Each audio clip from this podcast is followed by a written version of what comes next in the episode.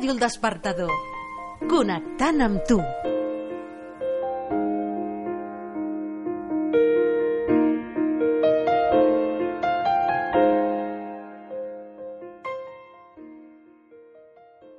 Benvingudes i benvinguts a l'espai de Ràdio El Despertador dedicat a conèixer petites grans històries.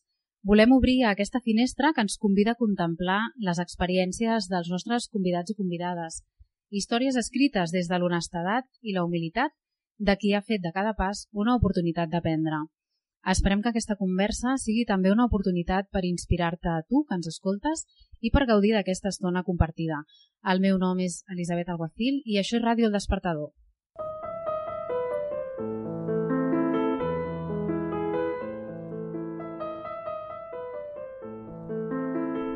Avui ens acompanya la psicòloga Elisenda Pasqual Martí, especialitzada en acompanyament familiar.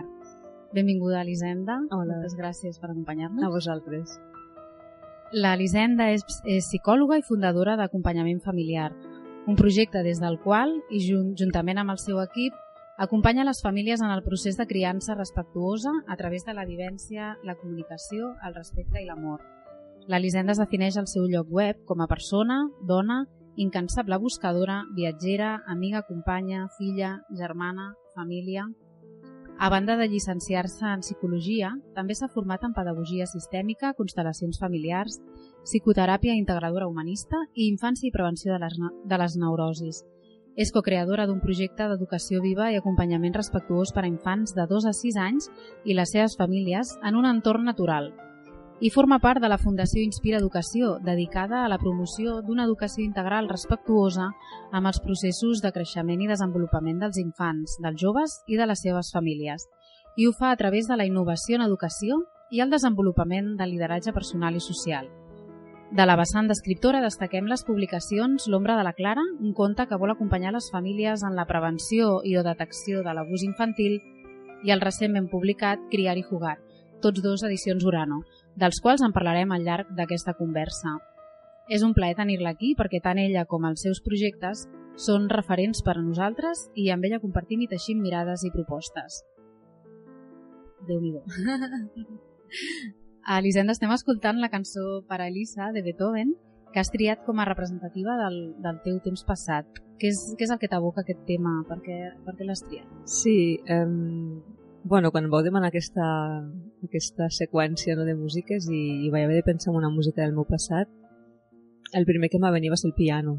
No? I quan jo de petita vaig descobrir l'instrument i la música i, i em creia pues, això, em creia una Mozart, una Beethoven, i recordo que dins del, del taburet del piano el, la mateixa casa Yamaha va posar com un quadern de, de sinfonies clàssiques i, i jo pues, amb la meva innocència d'infant pues, vaig començar a tocar algunes sinfonies i la que em va, em, la, em va captar més l'atenció i em va, em va frapar va ser la Paralisi. Llavors és una cançó que sempre que em sec davant d'un piano la toco sí, sí, a la meva manera i amb molta oxidació de dits perquè ara fa temps que no és habitual a mi tocar el piano però sí, representa molt una... És com una història de, de, del joc, no? de, de jugar a través de la música, del piano i, i com tot això també a mi se'm van apagant quan vaig començar a entrar en conservatoris, amb exàmens, amb la pressió doncs clar, el meu passat és aquest joc, no? és aquest sentir-me... T'ha quedat el record del, del joc, no? Sí, totalment, no? el jugar descobrint no? la vida, la música, el que sigui. No? Que bé, segurament això et connectarà també amb, amb el llibre que, que acabes de publicar, no? I que després en parlarem. Sí. doncs, després d'aquesta presentació que hem fet, què, què sents quan algú explica el, el teu perfil? Hem, hem investigat Uf. amb la teva web sí. i clar, també et coneixem, no? Però què, què, com se't posa el cos? Bueno, penso, mare meva, déu nhi no? Quantes coses. Um, bueno, és, és un reconeixement del camí de vida, també, i que de moment està aquí, però que això segueix ampliant-se i segueix no, sumant. I, i penso, jolín, no? d'aquí 30 anys més, igual el programa sencer, no? tampoc es tracta d'això, però sí, per mi és un reconeixement, no? escoltar-te dir no? la meva història i d'on vinc i d'on bec, és una forma també d'honrar aquests passos que he anat donant i que és el que em conformen a, a dia d'avui amb la meva feina, no? I quan jo em puc col·locar davant d'una persona, d'una família o escriure un llibre, pues que no és un, que no surt del no res, no? que té una història. I una pregunta que ens agrada fer a, a les persones amb qui conversem és per què t'agradaria que servís aquesta conversa? Per inspirar. Per inspirar les persones que l'escoltin, perquè bueno, jo crec que la meva feina una mica el que busca és això, no? és buscar és, buscar, és que la gent desperti la llum que porta dins i que es doni en compte que tant si és amb la criança com si és amb la seva vida personal tenen la capacitat de fer-hi fer, de fer front no? i no dic això, sí m'agrada segur que sí Expliques en la teva biografia, la, en teu web acompanyamentfamiliar.com, que en finalitzar els teus estudis universitaris de psicologia a la Universitat de Barcelona vas demanar una beca internacional i et vas embarcar cap a Austràlia. Sí. Per què vas decidir fer aquest pas? Què et va impulsar a fer-ho? Moltes coses, però jo crec que la principal era que jo estava en un moment de la meva vida on necessitava trobar-me, on jo necessitava saber qui era realment i volia fer-ho lluny, de, lluny de lo conegut. Anar a explorar un espai nou, diferent, on pogués realment sentir-me sentir, en mi. No? És aquesta com... Jo vaig sentir una aventura molt gran, però el curiós de la situació va ser com, com aquestes sincronies de la vida, no? que quan tu estàs quan tu has d'estar a un lloc aquest lloc t'acull i la vida no? sobre, sobre les aigües del mar perquè tu hi vagis no? i llavors clar, arribar a Austràlia per mi va ser això va ser... recordo molt una sensació de la segona nit perquè la primera no sabia si era el nit o el dia però la segona nit em vaig despertar amb el jet lag devien ser les 4 de la matinada i, i en un moment em vaig trobar dormint amb, amb un matalàs, amb un passadís d'una gent que havia conegut, que m'havien cedit aquell espai per dormir i vaig obrir els ulls i vaig treure el cap per la finestra i vaig veure el cel ple d'estrelles i vaig pensar, ostres, estàs al punt més lluny de casa teva, estàs a les antípodes de casa teva i no coneixes a ningú. I el primer moment va ser com una sensació així instantània de mal de panxa, però el, el moment següent va ser una, lliber, una llibertat, no? de dir, ara és que és això el que jo volia, no? Sí, sí. I mm, aquest viatge, juntament a, amb una estada a l'Equador, són algunes de les llavors del, del que avui el projecte d'acompanyament familiar. Quins diries que són els clics que et porten al teu projecte actual? Bueno, el primer clic jo crec que és un, és un clic que, que és fruit d'un treball personal on jo com a filla no? pues tinc una família i tinc un entorn familiar i des d'aquí sento o he sentit i segueixo sentint la necessitat pues, de revisar-me els patrons que m'arriben del meu sistema familiar, de com això m'afecta la meva vida, si sóc realment lliure o no sóc lliure o qui actua a través meu moltes vegades. No? I a part d'això, pues, arrel d'això que explicaves abans, no? aquesta cocreació d'aquest projecte d'educació viva amb les famílies, jo sempre explico que a mi al principi les famílies em molestaven. Jo estava molt bé amb els infants, no? jo amb els infants era tot molt fàcil, no? tenen molt poques neurosis els infants. I era molt senzill. I les famílies, jo ja estava esperant sempre el moment que marxaven per la porta, no? fins que de sobte em vaig donar compte que si jo no era capaç d'acompanyar l'entorn familiar d'aquell infant, l'únic que jo estava fent era fer de, de tirita. No? Estava tapant un, unes ferides que s'anaven gestant, però quan sortien de l'espai, aquella tirita aquella i el que era important era donar les eines de la família. No? I això una de les principals coses que dic al llibre és que el, la llar és el primer espai terapèutic o hauria de ser, no? no? no que vinguin a consultar les famílies amb els infants com a problema, sinó que sigui la pròpia llar la que sigui saludable per l'infant. Diries que aquesta és la manera que defineix el teu treball en l'acompanyament familiar? Sí, sempre que... És una anècdota que jo també em repeteixo molt en aquest sentit, però és que penso que és important, no? Moltes vegades venen les famílies a portar els, els infants al, al centre i treballen pues, amb l'equip de col·laboradores, anem treballant amb els infants, amb les famílies, i jo sempre dic que quan una família em dius que el meu fill o la meva filla té un problema, no?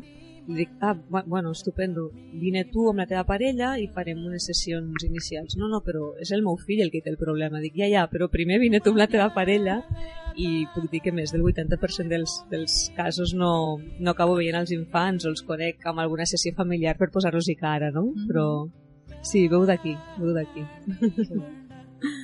La banda de psicòloga i escriptora, també és una dona emprenedora com és obrir-se pas en una, en una societat que encara no, no, ens, no ens impulsa especialment.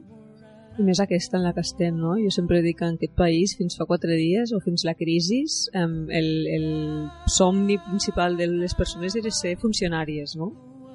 Llavors, clar, un país on d'alguna manera no hi ha aquest impuls, no? com tu molt bé dius, per l'emprenedoria, pel risc, no? per arriscar-se, encara hi ha aquesta política o aquesta filosofia de, del guardar, del retenir, no? d'estancar aquesta energia de l'abundància, a vegades és complex que t'entenguin, perquè jo vaig deixar moltes feines fixes per emprendre un camí que no sabia on em duria i, i va ser un regalàs és un regalàs, perquè quan sents que ho has de fer, quan és més enllà de la ment, que tu sents que has de fer una cosa, no pots equivocar-te. No pots. Nosaltres estem molt agraïts que aprenguessis aquest, aquest camí i n'aprenem molt de cada, de cada un dels teus passos. Ah, recuperant el tema dels viatges, eh, fins a quin punt creus que l'esperit viatger és important per créixer i cultivar-nos com a persona? És bàsic. Avui llegia una frase, no recordo l'autor perquè jo pels noms soc molt dolenta, però deia... Um, ara si, ara si, la, si no sap recordar, però deia que algo així com que si les persones quan viatgen deixen de ser racistes, no? I les persones quan llegeixen doncs deixen de ser ignorants. I penso que, que moltes vegades tenim prejudicis davant de certes maneres de viure o davant de certes situacions que només anant a un lloc i veient la realitat in situ podem comprendre no? la realitat de les persones que arriben aquí i, i, i, i també jo m'he sentit estranger amb terres d'altres persones no? i poder comprendre la sensació, pues, el que et deia abans, no? d'estar a Austràlia, no conèixer ningú i, i jo perquè sempre dic que vaig tenir aquesta sort que em, tot se'm va obrir i va ser molt fàcil, però hi ha persones que això no els hi succeeix i veure algú que arriba aquí i que té dificultats per tirar endavant i que no té ningú més jo a la llarga, si m'anava malament, sempre tenia una família en qui tornar o m'haguessin, no sé, acollit a, la tornada, no? Però hi ha gent que no. no. Amb tot això que està passant de la immigració, hi ha gent que... Si, si tu puges amb una barca sabent que pots morir-te, imagina't com has d'estar a terra. No? Només una persona molt apurada pot posar un fill i, i pot posar la seva vida en risc i això només ho comprens quan, quan trepitges certes terres i, i veus les carències que hi ha en, en certs països. No? Viatjar és un viatge de tolerància. No? Totalment. Sí.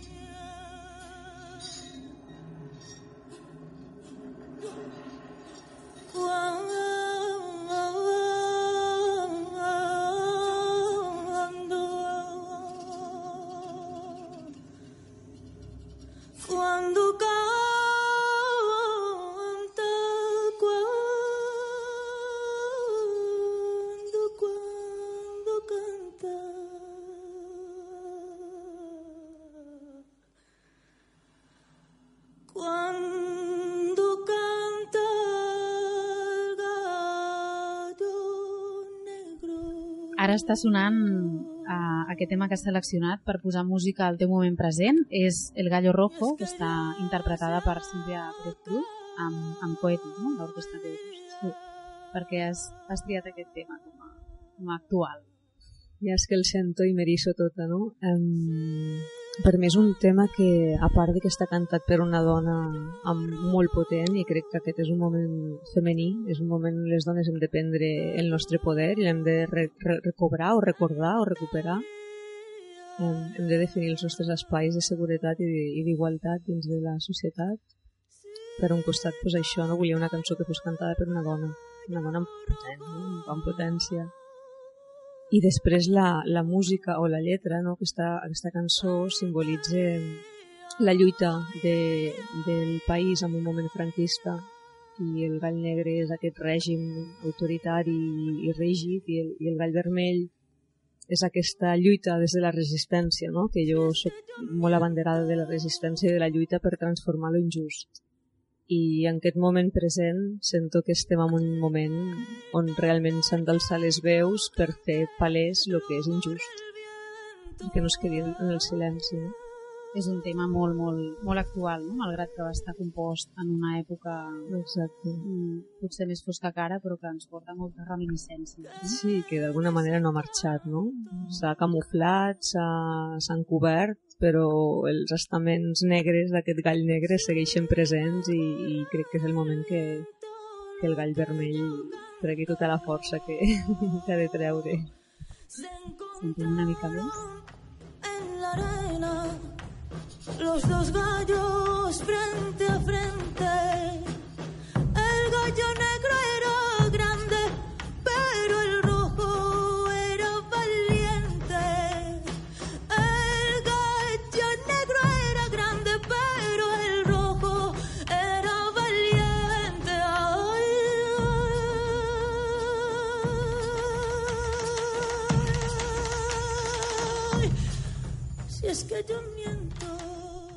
Seguint el fil de... sobre l'acompanyament familiar en la criança, m'agradaria saber què és per tu una família o la família. Aquest és un concepte interessant. De fet, el llibre no és un dels pilars del, del llibre on, on una mica la, la meva idea és de construir aquesta, aquesta idea que tenim més establerta no? de, de la corrent mainstream, de lo que és una família, que jo crec que ve molt donada per una visió judeocristiana, no? d'una parella heterosexual amb, amb fills, no? I si pot ser una parelleta, una parelleta vol, vol dir un nen i una nena, doncs molt mínim. No? Llavors, per una família, una família puc ser jo amb el meu gos, sí? Si sento aquest vincle profund d'un ser viu que m'acompanya i amb qui tinc un vincle profund i, i amb qui faig camí, no? Això ja és família. I, i des de partir d'aquí i en el moment actual, no? que en aquesta família que intentem preservar o que des dels estaments més mm, arcaics o més rígids intentem preservar i fer-nos creure que és lo bo, doncs és un moment també pues, de ventilar aquest concepte i, i que entren en molts altres formats, no? parelles homosexuals, mares que no tenen parella, pares que pel que sigui s'estan fent càrrec de les criatures, famílies complexes, no? I tot això és un tema que s'ha de poder recol·locar, perquè si no seguim creient que ho estem fent malament i que ens hem equivocat. Creus que els pares i mares, i incloc també avis, àvies, i que també són, són família i fan acompanyament en la criança, s'han tornat molt exigents pel que fa a la criança de fills, filles, en en el sentit que busquen un, una perfecció gairebé impossible? Creus que passa? Sí, jo em trobo bastant amb això. Jo, jo els hi dic que amb pares o mares, o bueno, sí, adults de manual, no? que van amb el manual a sota el braç i el manual diu que he de fer això, llavors jo ho faig, i he de fer allò i jo faig allò, no? I, i, i sempre jo els hi dic que sembla que els hi hagin posat el pal de l'escobre pel cul. Perdoneu-me l'expressió, però gran. van amb, amb el, no? Amb, van rígids, Totalment. no? Són tieses, són persones que no són flexibles, que han perdut l'espontaneïtat, que estan només actuant des de la ment, no? I clar, des d'aquí no els hi funciona, clar que no els hi funciona, perquè l'infant vol un pare i una mare autèntics, no vol algú que vagi llegint el llibre, és que tal autora diu, és que tu em vas dir... No, no, a veure, jo sempre els hi dic, no? Agafa el que et serveixi i posa-ho amb tela de judici perquè cada família és un món, cada infant és un món i no hi ha receptes. No? No, no, jo no dono receptes perquè no hi crec. Creus que internet, les xarxes socials, que van plenes d'articles i de, no sé, de propostes de llibres i consells, advertències, llistes de com fer les coses, no? Doncs també influeix, no? Imagino. Sí, a veure, jo penso que la tecnologia com a, com a tecnologia és, bo, és molt bona, vull dir, és un avanç molt gran i penso que ens dona com l'oportunitat de poder transmetre molta informació i que les persones la tinguem a l'abast molt més ràpid. Ara bé, com que això està a l'abast de tothom, doncs també tothom pot dir el que pensa i pot dir la seva i a vegades no, en, en qualsevol àmbit i en la criança també doncs hi ha persones que potser mm, no parlen des d'un lloc prou sòlid o prou, amb prou experiència o no? diuen la seva sense saber que això es pot prendre des d'un lloc que a vegades no fa bé. Clar, i si la persona que accedeix a aquesta informació no sap destriar una mica, no? Hombre, pues aquí estan perdudes. Sí, sí. Jo, segurament es fa des de la molt bona fe, no? Intentar portar sempre el millor. El que passa que a vegades el que és millor per tu no ha de ser millor per tothom. El que hem de comprendre que com a persones cadascú tenim una característica peculiar que ens ser diferents i no tothom li funciona mateix. I aquesta mirada amb això, no? El, pal a l'escombra. Pot ser que, que pares i mares se sentin massa responsables de la felicitat de, de les seves filles. Sí, jo és una cosa que els repeteixo molt, és que no sou no sou responsables de la felicitat dels vostres fills i les vostres filles, perquè això és sobirania seva. Un infant és qui ha de de decidir si vol ser feliç o no feliç a la vida. Això no, no li podem provar a ningú la felicitat, no? Llavors, clar, hi ha la típica persona que li pregunta a l'infant que estàs content? Ai, que contenta, que content que estàs. I clar, que t'ha dit l'infant? Que sí, no? I mires amb aquella cara, sí, m'ha encantat això, no? Doncs clar, moltes vegades aquesta felicitat que ens retornen és més per complaure la nostra necessitat de que ens diguin que som felices que no pas de que ho siguin realment. No? La felicitat, o sigui, com a persones adultes tenim molta responsabilitat, la responsabilitat doncs, del benestar, de la seguretat, de l'aliment, d'un entorn segur, tot això és responsabilitat nostra, però la felicitat no. La felicitat és, és sobirania personal, totalment. Sí, sí. Crec que està molt bé aquesta mirada per treure's un pes de sobre. també, Sí. no? Sí, perquè llavors si arriba el pes, arriba la culpa. I quan arriba la culpa, arriba un, un tupido velo que es posa entre la- l'adult i l'infant i ni l'infant veu a l'adult quan el busca perquè hi ha la culpa i ni l'adult veu a l'infant perquè hi ha la culpa. No? Llavors, quan, quan la culpa ho envaeix tot. Doncs és molt important que les famílies es desestressin, que connectin des de l'amor i des de l'aprenentatge, perquè evidentment hem de desaprendre molt per tornar a reaprendre o a recordar, però des d'un altre lloc, no des de la ment només. I aquestes serien les cerques o les dificultats que, que més arriben a la teva consulta? Sí, la majoria de les vegades passa per un... A, a nivell d'acompanyament familiar, sí. Passa moltes vegades perquè hi ha una dificultat de que els adults puguem llegir els infants d'una manera autèntica, no? Perquè els, les mirem com amb el que a mi m'hagués agradat, o el que a mi em van fer, o això ara no toca, o això em molesta, o això no, saps? Em fa pesat.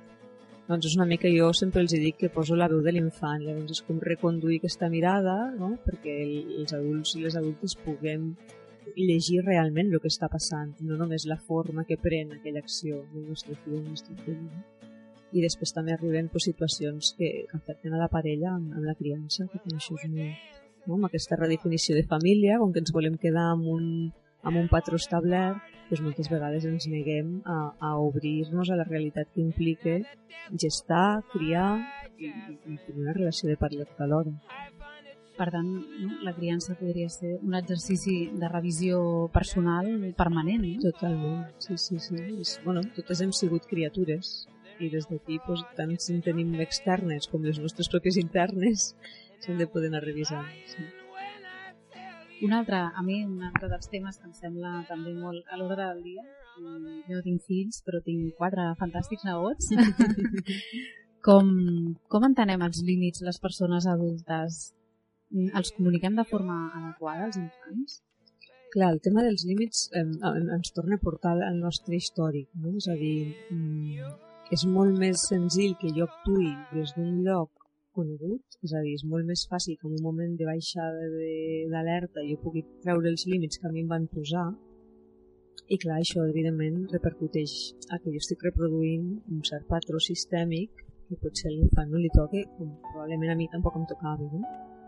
Però bueno, com que no s'ha de culpabilitzar el que va succeir, sinó que s'ha d'abraçar, s'ha d'honrar i s'ha de poder soltar, la responsabilitat és nostra. No? Llavors el, el tema dels límits implica molta mirada cap a la, la història de vida, cap a saber com jo he rebut aquests límits, qui me'ls va posar, com jo els vaig concebre, quin és el meu, el meu constructe intern en referència als límits i a partir d'aquí poder veure qui tinc a davant, perquè potser l'infant que jo tinc a davant no té res a veure amb, amb qui jo era de petita o la meva situació de quan jo era petita i això implica poder revisar, poder escoltar, una escolta molt, molt activa i molt present, treure els judicis, bueno, tot això que jo dic tan senzill, Sembla fàcil? sembla fàcil i és un procés una mica més complex. No té per què ser feixuc sempre, però és complex, això sí que és veritat.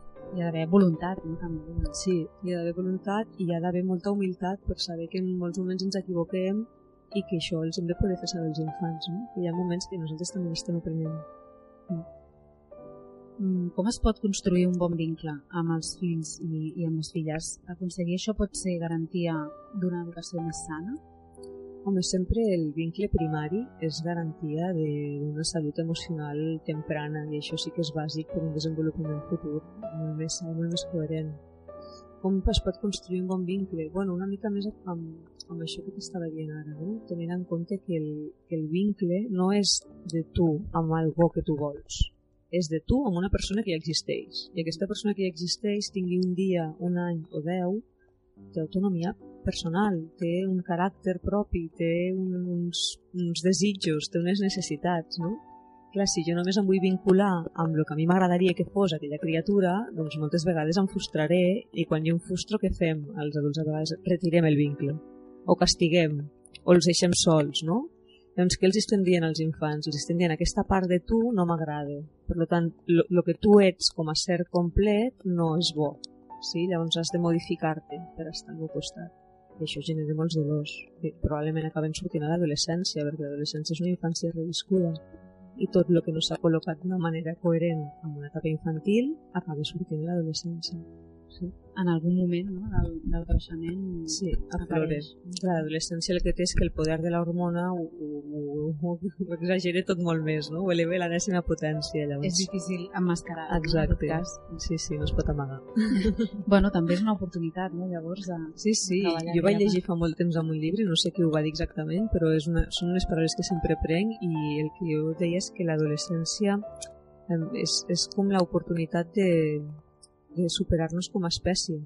No? Aquest poder destruir, aquest poder transformar, és que ve a l'adolescència ens ajuda a poder millorar-nos, no? fer una versió millorada. Crec que molts pares o mares que ens puguin estar escoltant ara igual estan somrient i, i els dona ànims, no? Espero que sí, perquè és una etapa molt, molt important. I tant.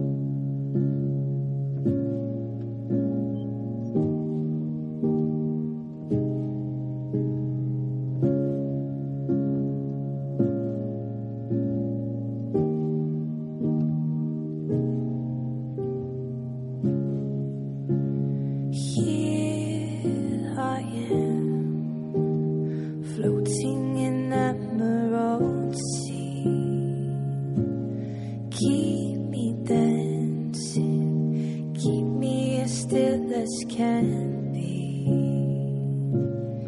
And I try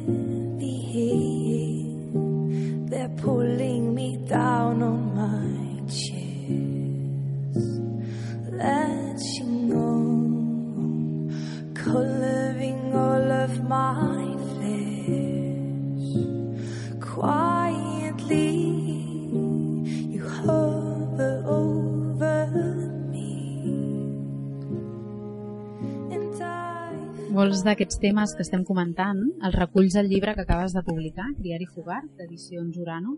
Per què decideixes escriure aquest llibre? Bueno, això va ser una mica una petició de l'editora. Ho he de confessar aquí.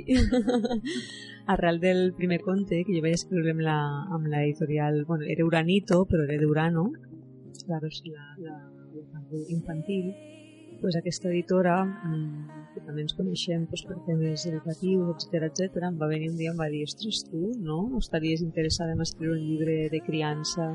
I jo que des de petita el meu desig profund ha sigut ser escriptora, Caram, Sí, sí, va ser com, i tant que estic disposada, dic que te'l faig per l'any que ve de més, no?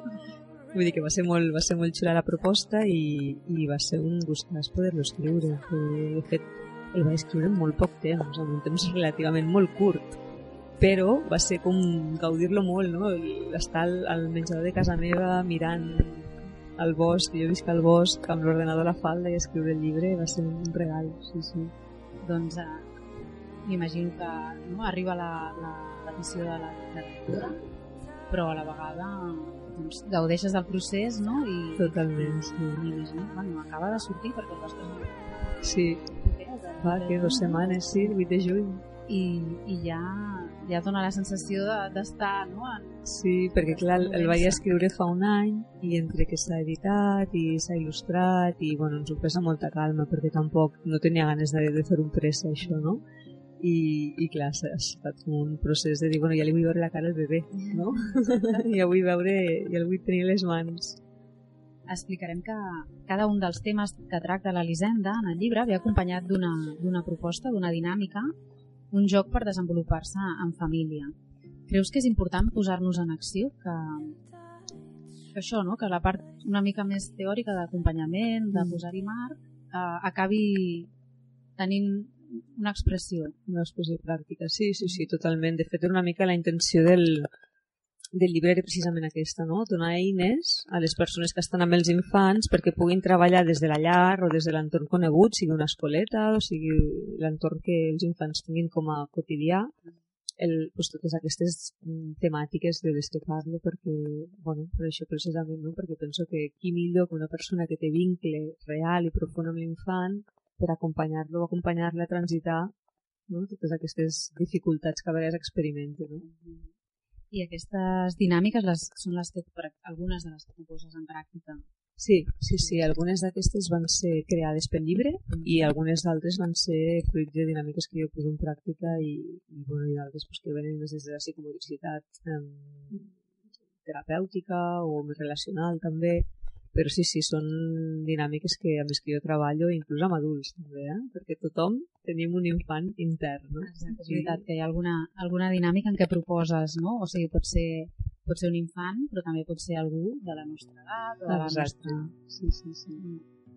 Aquests dies de vacances, precisament, que arriben just avui quan estem enregistrant aquesta, aquesta entrevista, 22 de juny, és el dia que comencen les vacances escolars.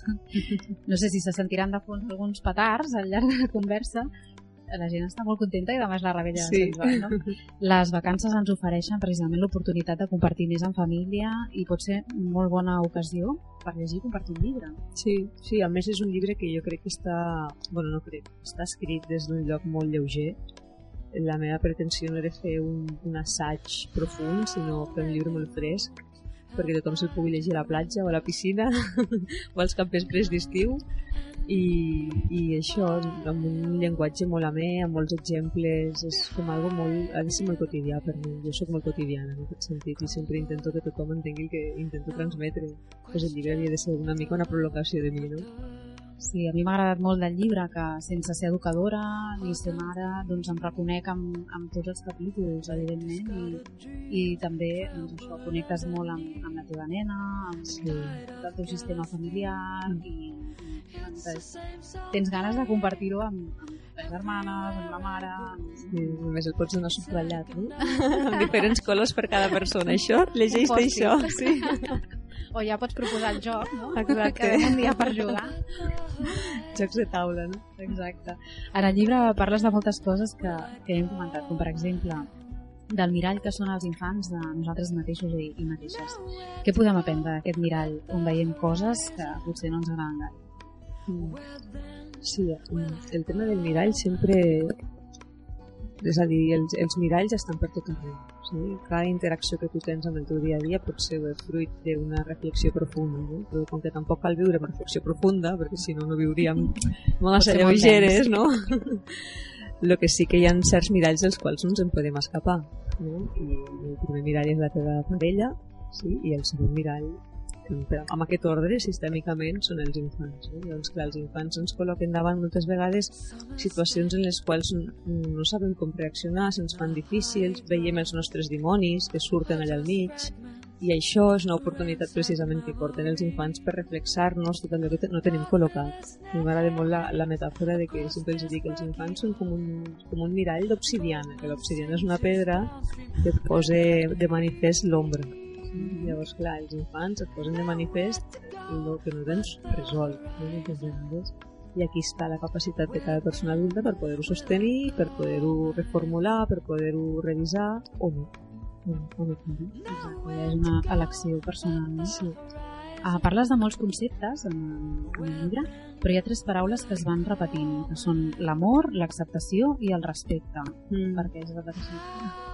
Bueno, per mi, quan abans em parlaves una mica de quin, quines són les claus per fer, per generar una, una relació sana amb els infants, per mi són aquestes tres claus. És l'única recepta que jo dono. Aquestes tres paraules és, l'única, és molt abstracta, aquesta recepta, perquè no poso ni quantitats, no?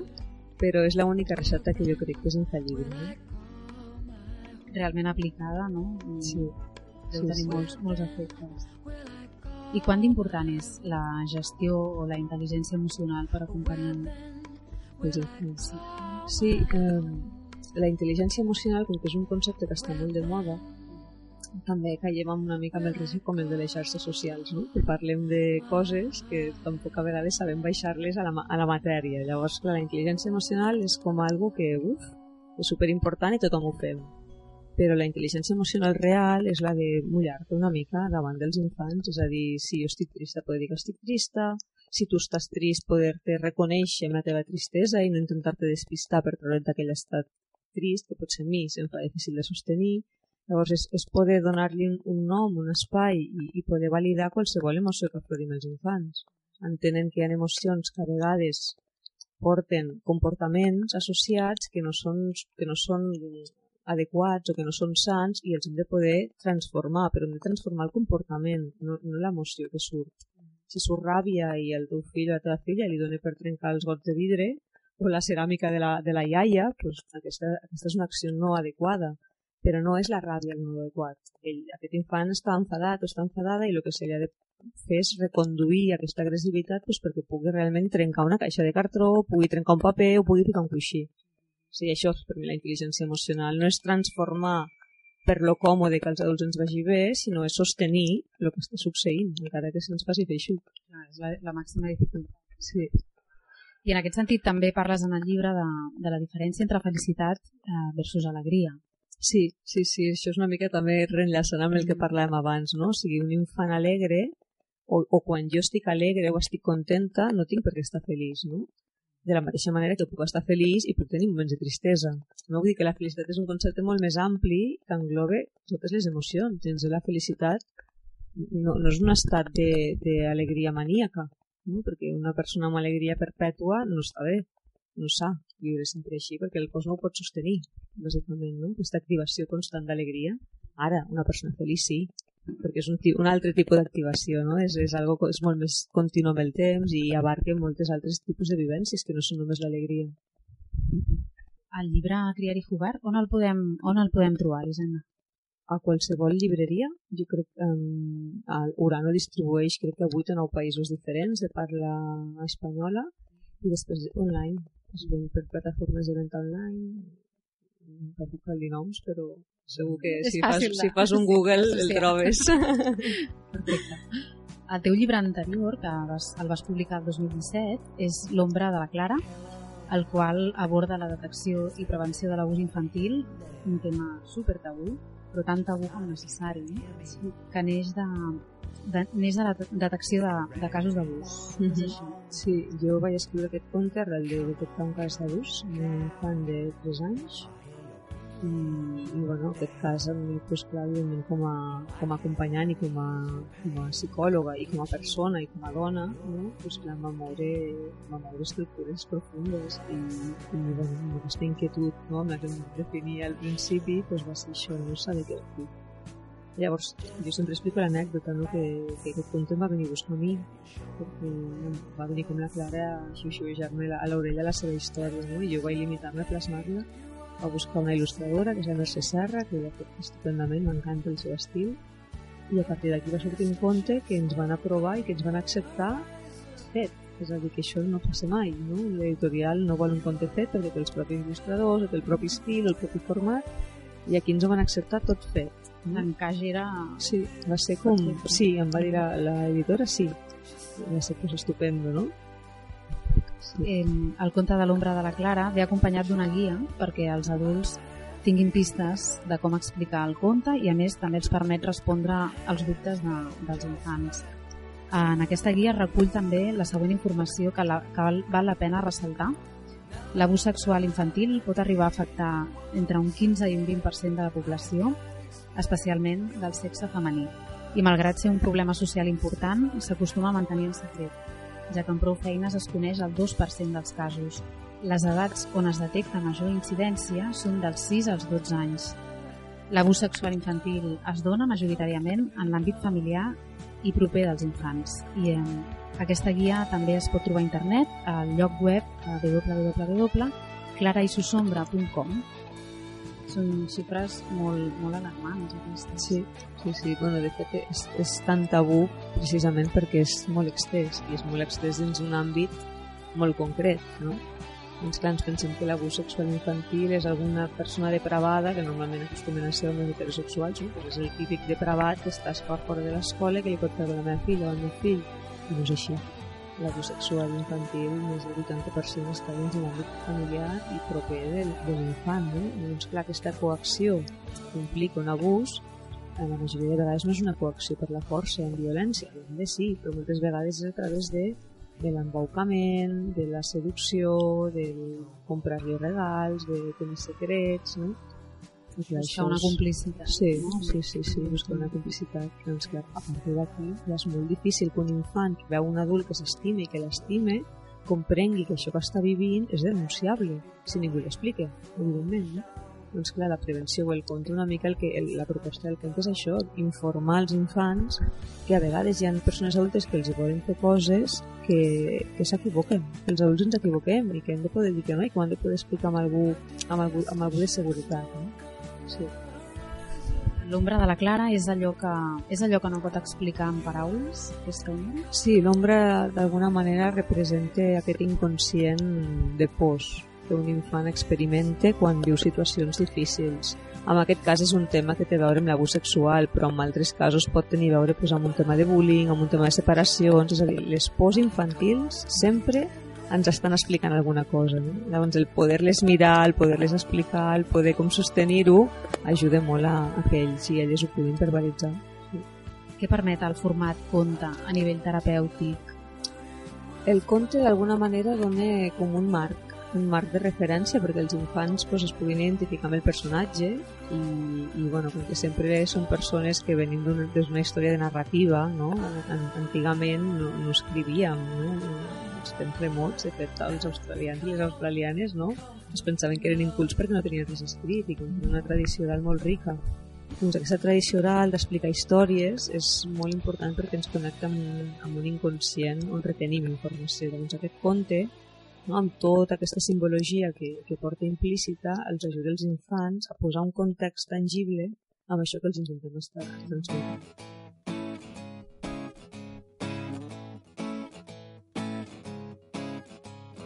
It's always so hard to see how things could turn out differently, but we're in a mess now. I feel it, we're facing a wall. Fight it out, wipe out the wrong. Fight for us, we must go on. The whole world is on hold now. I feel it, we're facing a storm show now. Face the final blow now.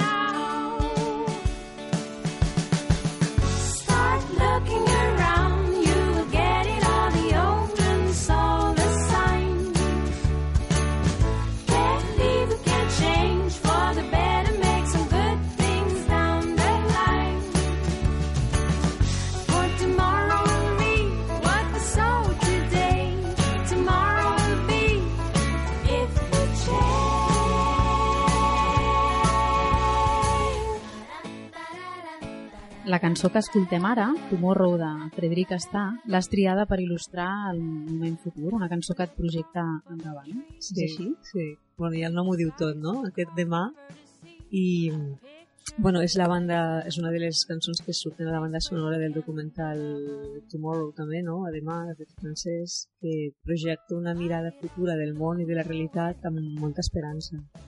Doncs, a vegades jo em reconec amb la dificultat de creure en l'esperança en, en, certs, en certs moments actuals no? i amb certes notícies que estan arribant que dic, és que no sé què està passant o sigui, cada setmana en cau una de més grossa no?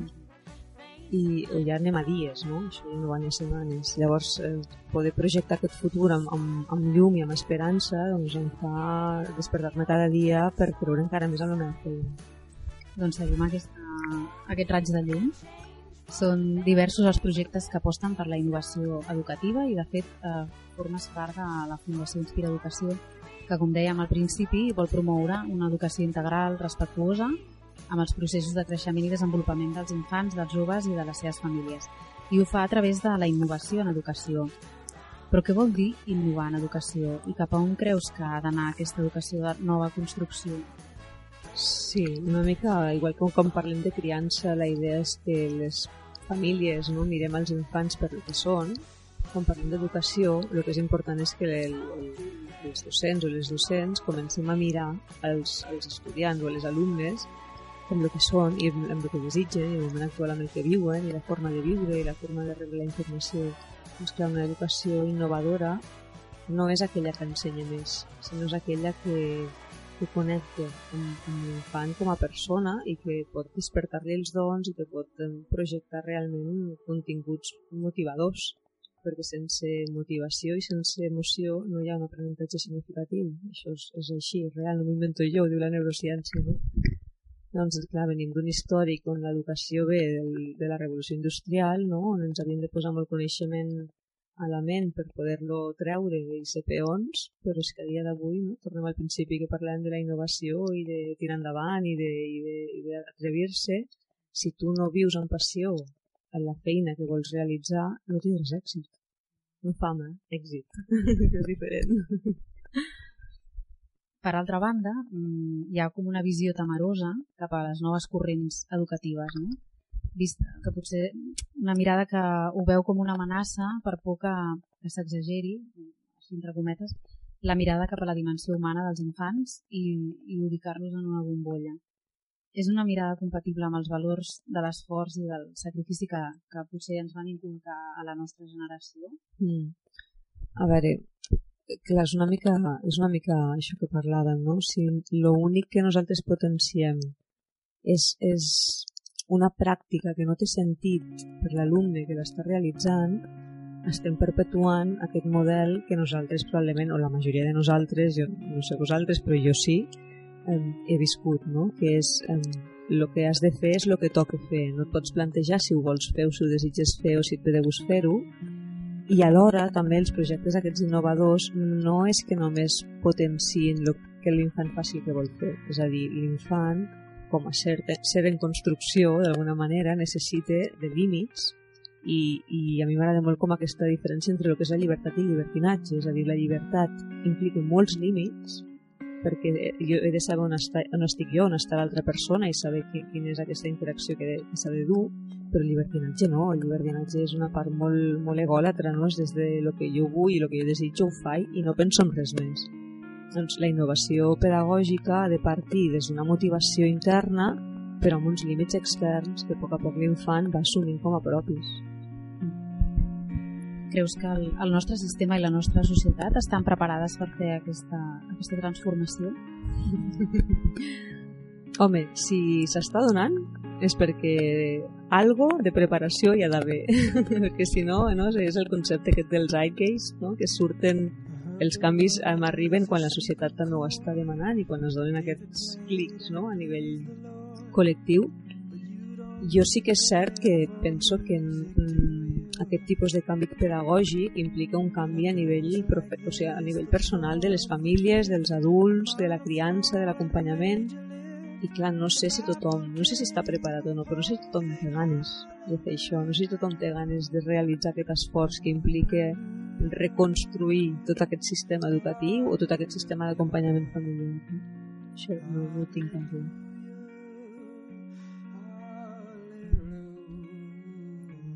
posats en, en, en aquesta mirada lluminosa, quins avenços sents que estem tenint, que ja estem tenint?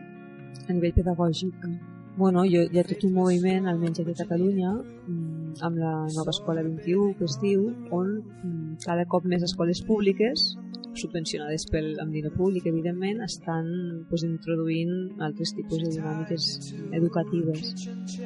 Cert és que moltes vegades hi ha molta forma i el fons encara li falta un par de litres de voltes, però jo que estic dins del sistema educatiu, acompanyo AMPES i faig xerrades amb equips de professors i professores, veig que hi ha ganes.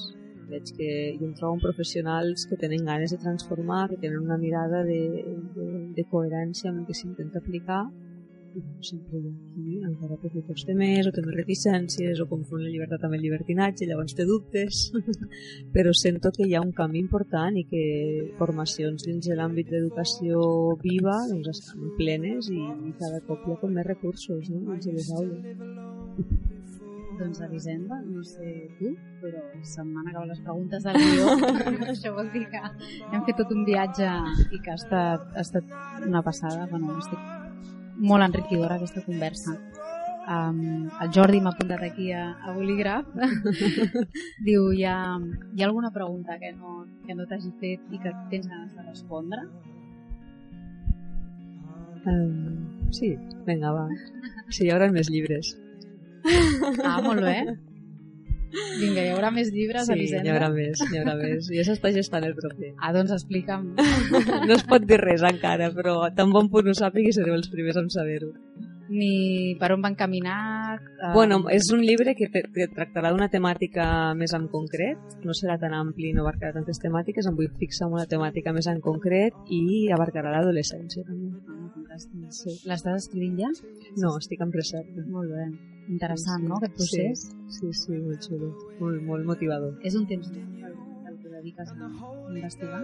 En aquest cas no ho sé, perquè és que no ho he fet mai. De fet, aquest llibre que he escrit és, és, he volcat el que jo duia dins, no? No he investigat res perquè és volcar la meva praxis diària. Però, clar, aquest nou també és praxis diària, també és, és un coneixement que jo tinc, però el vull fer més, el vull ampliar més i aquest sí que serà una mica més no serà tan amè, serà una mica més profund, però sí que hi haurà com molta part senzilla i fàcil perquè també m'agradaria que anés dirigit a un públic adolescent. Doncs mentre gesta aquest llibre, eh, us recordem que podeu trobar l'Elisenda a través de la seva pàgina web acompanyament, acompanyamenfamiliar.com que podeu buscar, googlejar Criar i Jugar, també l'ombra de la Clara, és, està en castellà, oi? El criar i jugar, sí, l'ombra de la Clara està en català i en castellà. sí. Perfecte. I doncs ara sí, hem de posar fi a aquesta i doncs t'agraeixo moltíssim que, que hagis vingut a compartir aquesta estona amb nosaltres i per regalar-nos aquestes reflexions riques i pausades que ens encandilen. Sí, no, gràcies a vosaltres perquè per mi és un plaer sempre compartir i em sento molt honrada d'estar aquí avui parlant amb, amb vosaltres i amb el vostre programa, així que per molts més que vinguin. Exacte, estarem a la propera. Ens acomiadem fins al proper episodi de Petites Grans Històries. Som el Jordi Muñoz a la producció i l'Elisabet Alguacil qui us parla i això és Ràdio El Despertador. Si vols posar-te en contacte amb nosaltres, ho pots fer a través del correu electrònic info arroba al guió mig despertador.com. Fins a la propera. Ràdio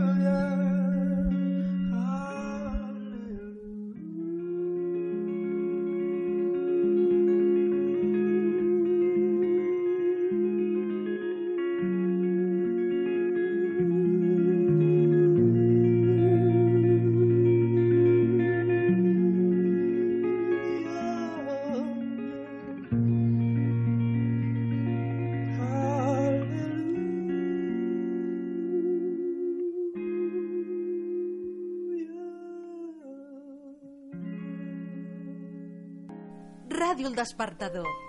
Connectant amb tu.